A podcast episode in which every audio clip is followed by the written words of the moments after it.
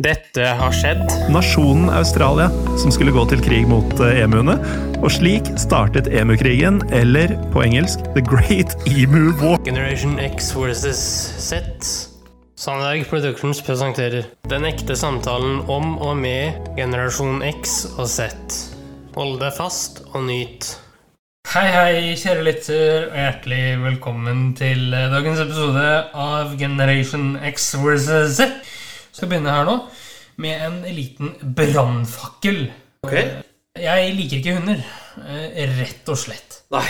Eh, og for å forsterke det synet her nå, Ja. eh, og for å markere det litt, så har jeg tenkt til, kjære lytter, å gi deg en lyninnføring i løshundkrigen. Og det var jo da en krig mellom Hellas og Bulgaria som eh, fant sted i oktober 1925. Ja, ganske mange liv gikk tapt. Eh, Og det var jo da eh, i Bulgaria hvor ting skjedde, da. Ja, og jeg kan opplyse om Henrik, at det var ca. 30 000 soldater som døde i den krigen. Og den varte ikke lenge. Den varte bare, egentlig bare i ti dager. Men jeg har ikke bare en misnøye overfor hunder, men også en frykt overfor hunder. Ja. Eh, som mange vil si er irrasjonell.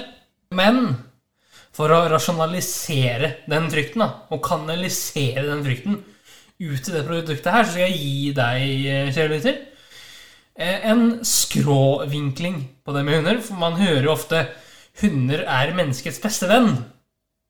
Ja. Kan jeg bare opplyse deg, Henrik, om at eh, jeg har en kollega som eh, faktisk er eh, nærmest livredd for møll. Altså, poenget mitt det var at eh, hunder kan også være menneskets verste fiende. Ikke bare mennesker, men menneskeheten kanskje. Iallfall mellom to land. Eh, ja, og det gis jo et prakteksempel på her. Det rare er da, Henrik, at det er en hund som sies å være en utløsende faktor for å danne en krig mellom to land. Det er jo Eh, spesielt, da. ja, og det beviser jo bare hvor dumme mennesker kan være. Ja. Altså, ja, mange sier at dyr er dumme.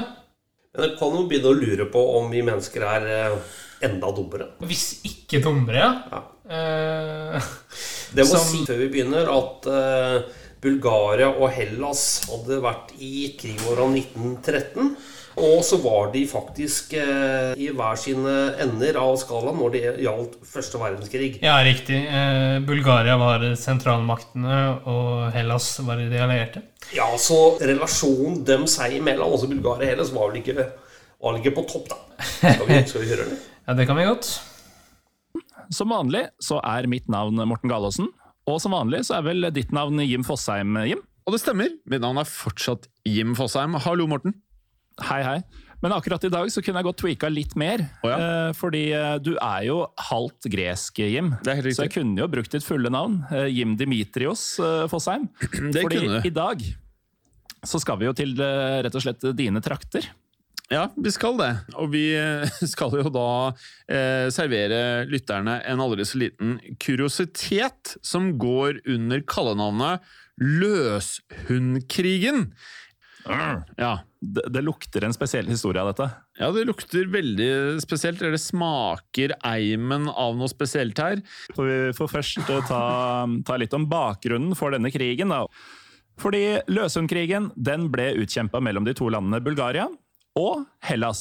Det siste ikke så overraskende med tanke på hvordan jeg introduserte deg eh, i stad.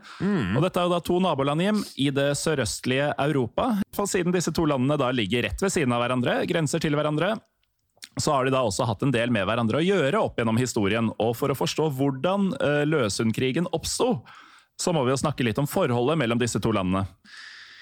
Eh, og da kan vi jo ta et eh, lite eksempel her, for eh, på rundt 800-tallet så var det da greske misjonærer som eh, brakte den ortodokse kristendommen til Bulgaria, og som i tillegg ga dem det glagolittiske alfabetet. Og det glagolittiske alfabetet regnes da for å være det eldste slaviske skriftspråket i verden.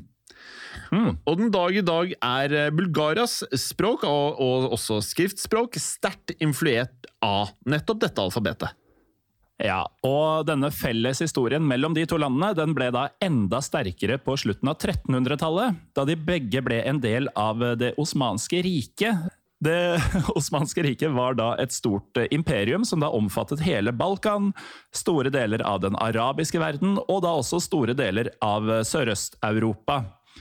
Og det å være en del av dette riket altså innebærte altså å gi fra seg mye av sin selvstendighet til sultanen, som hadde hovedsete i Konstantinopel, altså dagens Istanbul. Eh, og det betydde jo også da at sultanen også hadde ansvaret for eh, den ortodokse kristne kirken, som på dette tidspunktet sto meget sterkt i både Hellas og Bulgaria. Og det gjorde også at Hellas og Bulgaria fikk et eh, ganske så sterkt bånd. Enda sterkere ble det med tiden. Eh, men på 1800-tallet, altså nå hopper vi sånn pluss-minus 500 år fram i tid, da begynte likevel problemene. For um, Bulgaria de begynte å bli lei av uh, sultanens innblanding, og ønska da en egen selvstendig kirke, slik at uh, de selv kunne praktisere troen sin på den måten de selv ville, og ikke hvordan sultanen uh, ville at de skulle gjøre det. Og dette ønsket det ble ikke godt mottatt av de andre landene i det osmanske riket, og det inkluderer faktisk Hellas. Eh, for Hellas mente at en selvstendig kirke i Bulgaria ville føre til usikkerhet og forvirring mellom de ulike landene i området. Men uh, tror du Bulgaria brydde seg veldig mye om det, Morten? Jeg tror Bulgaria var ganske klare for å få sin egen kirke. Ja, det uh, føltes litt sånn at de ikke brydde seg veldig mye om det. Så i 1872 tok Bulgaria da tilbake sin egen selvstendige ortodokse kirke. Og dette kan Morten på mange måter regnes som starten på denne konflikten da mellom Bulgaria og Hellas i det vi da kan kategorisere som moderne tid. Mm. Og på tross av dette så gikk likevel Bulgaria og Hellas sammen igjen i 1912 for å kjempe i det som da kalles den første Balkankrigen. Og motstanderen i denne krigen var da i all hovedsak det osmanske riket. På denne krigen så var det da sånn at eh, Hellas, Bulgaria, Serbia og Montenegro de prøvde å sikre seg større landområder, eh, slik at de også kunne få mer selvstendighet og mer makt i regionen. Og dette var jo på et tidspunkt hvor Det osmanske riket var eh, kalt den den syke mannen i Europa. Altså, de var ordentlig på retrett, og derfor så var det da sterke krefter i de nevnte landene som, eh, som ville ta eh, mer makt og selvstendighet i området. Og denne krigen var da også vellykket for disse landene. Og allerede i 1913 så ble det undertegna en fredsavtale mellom de ulike aktørene. Så i løpet av denne krigen, altså den første Balkankrigen, som du sier, Jim, så hadde både Hellas, Bulgaria, Serbia og Montenegro også skaffet seg flere mm, betydelige landområder, eh, men dette ble også grobunn for enda mer konflikt. Det det hersket splid om, var da hvem som skulle ha hvilke områder.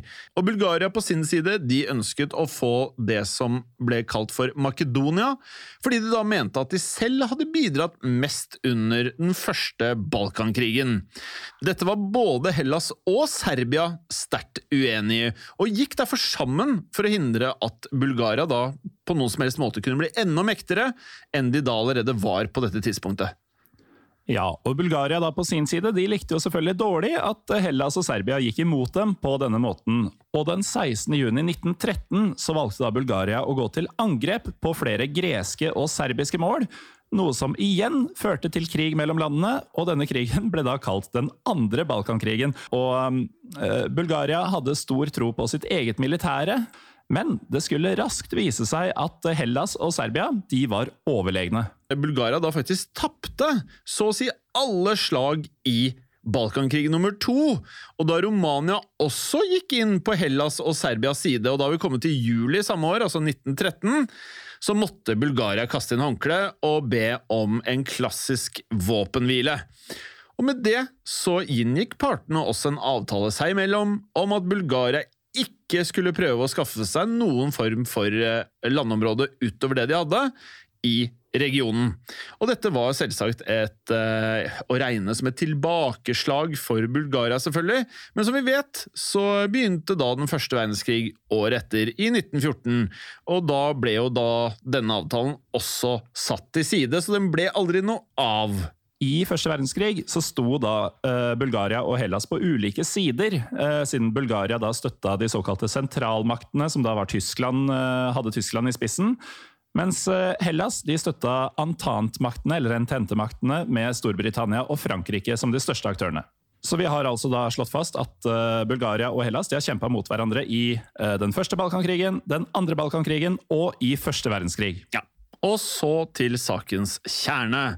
For eh, etter eh, første verdenskrig var over, var jo da, som man kan forestille seg, heller ikke stemningen mellom eh, Hellas og Bulgaria på topp. For på dette tidspunktet så hadde jo da allerede vært disse gnisningene opp gjennom mange, mange år. Spesielt Bulgaria var misfornøyde med situasjonen, ikke spesielt overraskende, ettersom de da hadde mistet mer land til Hellas etter at fredsforhandlingene etter krigen var over. Og denne mistroen til hverandre mellom Hellas og Bulgaria den førte også til at begge landene vokta sine landegrenser svært nøye. Både på bulgarsk og gresk side så var det utplassert flere soldater som hadde som eneste oppgave å speide etter en mulig invasjon fra den andre. Mm. Og på dette tidspunktet så hadde også begge land kontroll over ulike deler av Makedonia, som vi nevnte i stad var et område de krangla om. Og Bulgaria hadde da bl.a. kontroll over byen eh, Petric i eh, Makedonia.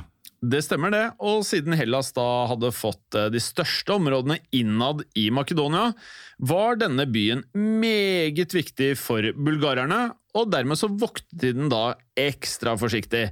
Og denne byen lå også nærme grensen til den greske delen av Makedonia, og var derfor også eh, ja, den var fylt opp med soldater på begge sider. Eh, mm. Og ingen av de to landene hadde på dette tidspunktet noen som helst planer om å gå til angrep på den andre, angivelig, men tilfeldighetene skulle likevel føre til en ny krig mellom Bulgaria og Hellas, og nå kan vi spole frem til 1925. Så det er ikke mange årene frem nå heller, altså. Det er ikke det, men uh, vi skal da spesifikt til den 18. oktober 1925. For da gikk en gresk soldat en tur med hunden sin langs grensa mot Bulgaria. Denne hunden da klarte jo å rive seg løs fra eieren sin, og begynte da å løpe av gårde. Og Den greske soldaten han så jo da at hunden var på vei rett mot grensa til Bulgaria, og ble jo da livredd. Og begynte derfor å løpe etter hunden. Og den greske soldaten fortsatte da over grensa og følge etter hunden sin. Og da de bulgarske soldatene da fikk øye på den greske soldaten og hunden, som da kom løpende over grensen, så begynte de, det var ikke noe forvarsel, de, de begynte å skyte mot både hunden og soldaten. Og dessverre så drepte da disse skuddene den greske soldaten. Uansett, Morten, så var det sånn at de andre greske soldatene hørte skuddene. Det gjorde de, og de tok seg da fram til grensa for å sjekke hva, som, hva, hva det var som foregår her. Og Da de kom fram til denne grensa, så fikk de da se at uh, deres uh, greske mm, kompanjong uh, lå død midt imellom dem og da de bulgarske soldatene på andre siden. Og sinnet over at bulgarerne hadde tatt livet til en av deres egne, det førte til at uh, også grekerne begynte å løsne skudd her. Mm. Og denne skuddvekslinga den fortsatte også en god stund, helt til da en gresk kaptein kom fram til grensa og uh, ba sine soldater om å um, slutte å skyte. For denne kapteinen ønsket på ingen måte en ny konflikt mellom Hellas og Bulgaria. Og i alle fall ikke før de hadde fått uh, greie på hva som egentlig hadde skjedd der, for det var jo mystisk at det plutselig brøt ut skyting. Ja, Det var jo ingen av grekerne som hadde sett hva som skjedde, og hvorfor Nei. bulgarerne hadde skutt. Eh, så kapteinen han bestemte seg derfor for å gå over til bulgarerne med noe så klassisk som et hvitt flagg. Eh, for så å innlede samtaler med bulgarerne. Kapteinen tok også med seg en soldat som sikkerhet, og begynte da å gå mot de bulgarske soldatene. Men eh, her kan vi legge til at dette var kanskje ikke noe kapteinen burde ha gjort. Nei, det burde han virkelig ikke ha gjort, for eh, de bulgarske soldatene de hadde klare ordre. Ordre om å skyte alle som kom over på deres side av grensa. Og eh, til tross for det hvite flagget, da de fikk øye på denne kapteinen eh, og soldaten som han hadde med seg, så bestemte de seg derfor for nok en gang å avfyre våpnene sine. Og dette resulterte da i at eh, også den greske kapteinen og denne soldaten mistet livet denne dagen. Og da dette ble kjent for de øverstkommanderende på gresk side, da brøt det løs, Jim. Da brøt det løs, og på samme tid fikk også de øverstkommanderende på bulgarsk side vite hva som hadde skjedd ved grensen. Og de hadde jo da selvfølgelig ingen intensjoner med å gå til en ny krig mot Hellas. De har akkurat vært igjennom masse spetakkel de siste 20 årene her, eh, og bestemte seg derfor for å prøve å snakke med eh, grekerne direkte. Og Bulgarerne de forklarte at eh, det hele hadde vært en stor stor misforståelse, og at de på ingen måte ønsket en ny konflikt. Og denne forklaringen var likevel da ikke noe som grekerne tok vel imot. Nei, for eh, på dette tidspunktet så var Hellas så sinte at de trua rett og slett med å invadere de bulgarske områdene. Og de forklarte at eh, hvis Bulgaria ønska å unngå dette, altså en invasjon, så måtte de innen 48 timer gjøre følgende. Bulgaria måtte 1. komme ut med en offentlig unnskyldning. 2. straffe de soldatene som hadde skutt den greske kapteinen og de to soldatene. Og 3. betale kompensasjon til de dreptes familier. Ja, men bulgarerne de valgte likevel å ikke gjøre noe de neste 48 timene, og derfor trosse disse tre punktene som du nå leste opp, eh, Morten. Mm. Og dermed så gjorde Hellas akkurat som de hadde lovet, og gikk inn på bulgarsk territorium. Og her er vi i gang, Morten. Nå skjer det. Ja. Målet for grekerne var da byen Petrish, fordi de da visste at denne byen var et eh, strategisk viktig sted for bulgarerne. Og Bulgaria hadde lite på dette tidspunktet å stille opp med mot grekerne. Og med det så trakk de seg rett og slett tilbake til Petric og prøvde å etablere et hovedforsvar rundt byen. Ja, og samtidig da som at eh, grekerne kom nærmere og nærmere Petric, så kontakta Bulgaria Folkeforbundet, eller eh, League of Nations, som var det uh, internasjonale navnet, og spurte om de kunne bryte inn i denne konflikten. Dette er jo da en forløper for dagens FN. Og Eh, Folkeforbundet var da den første verdensomfattende sammenslutning av stater som da hadde blitt etablert under fredsforhandlingene i Versailles i 1919. Og Da Folkeforbundet fikk beskjeden fra Bulgaria, bestemte seg da straks for å bare stoppe konflikten. Og på dette tidspunktet så hadde de greske soldatene kommet seg helt frem til Petric og gjorde seg klare til å rett og slett angripe hele byen. Og da, med andre ord, angripe hovedforsvaret til bulgarerne. Mm. Rett før de skulle gå til angrep, så fikk grekerne likevel en beskjed overlevert fra Folkeforbundet om at de skulle legge ned våpnene umiddelbart. Ja, og det var en beskjed som selvfølgelig også nådde bulgarerne, og begge de to landene gjorde da som de fikk beskjed om. Så, etter at en våpenhvile var inngått, så ble det innledet eh, samtaler mellom Hellas og Bulgaria, da med Folkeforbundet, altså datidens FN, som eh, megler. Og Hellas de forklarte at eh, de ikke i utgangspunktet hadde ønsket å ta land fra Bulgaria, men at de fremdeles sto på kravet om eh, økonomisk kompensasjon. Ja, det stemmer det, og etter lange, lange samtaler ble de to landene enige om å slutte fred nok en gang, må vi vel kunne si, og at Bulgaria skulle betale denne kompensasjonen, da. Mm. Så ble løsningskrigen da avsluttet den 29. oktober 1925, og det er da en ganske kort affære, for det er kun ti dager etter at den startet. Men uh, det er da også slutten på denne merkelige uh, historien om da Altså, igjen, det er en hund som kommer seg fri, og det starter da en krig mellom to europeiske land så seint som på 1900-tallet. Altså Bulgaria og Hellas i 1925. Det er jo, det er jo absurd, hjem. ja da. Ja, det var uh, Løshundkrigen. Jeg skal si, Det er vel ikke artig, men det er litt spesielt, eller? Ja, det er spesielt. Det blir en neste uke òg, Henrik. Rett og slett uh, bøttekrigen. Ja, uh, og da vil jeg vel tørre å påstå at vi har nådd toppen på dumme kriger, har vi ikke det? da? Jo, jeg tror vi har i hvert fall innom topp ti-lista, i hvert fall. Ja. Har du NRK, gjør du det, Henrik? Eller? Oh yes, I have.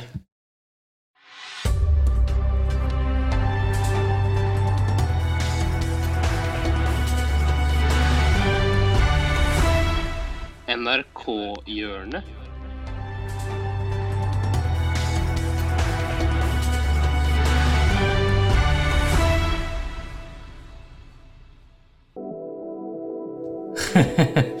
ja da. Vi er der igjen, vi, Bette. Ja, og hva tenker du i dag, da? I dag så tenker jeg vi skal til ditt element. Mitt element? Ja, ok. Tørr humor. Ok, kjør på. Yes. Thomas er også med oss og prøver å forlenge våre liv eh, med en liten latter. Ja. Kom med en liten vits. Eh, jeg, kan, jeg skal ikke si hva jeg føler om den vitsen her, men jeg tar den høyt. Jo, si, si hva du føler om denne vitsen her. Uh, jeg, det, jeg, ja. Du er komiker. Hva føler du om denne vitsen her? Jeg vil vite det før vi skal høre den. Jeg leser den først, og så kan vi bedømme sammen om den er eh, godkjent som en vits eller ikke.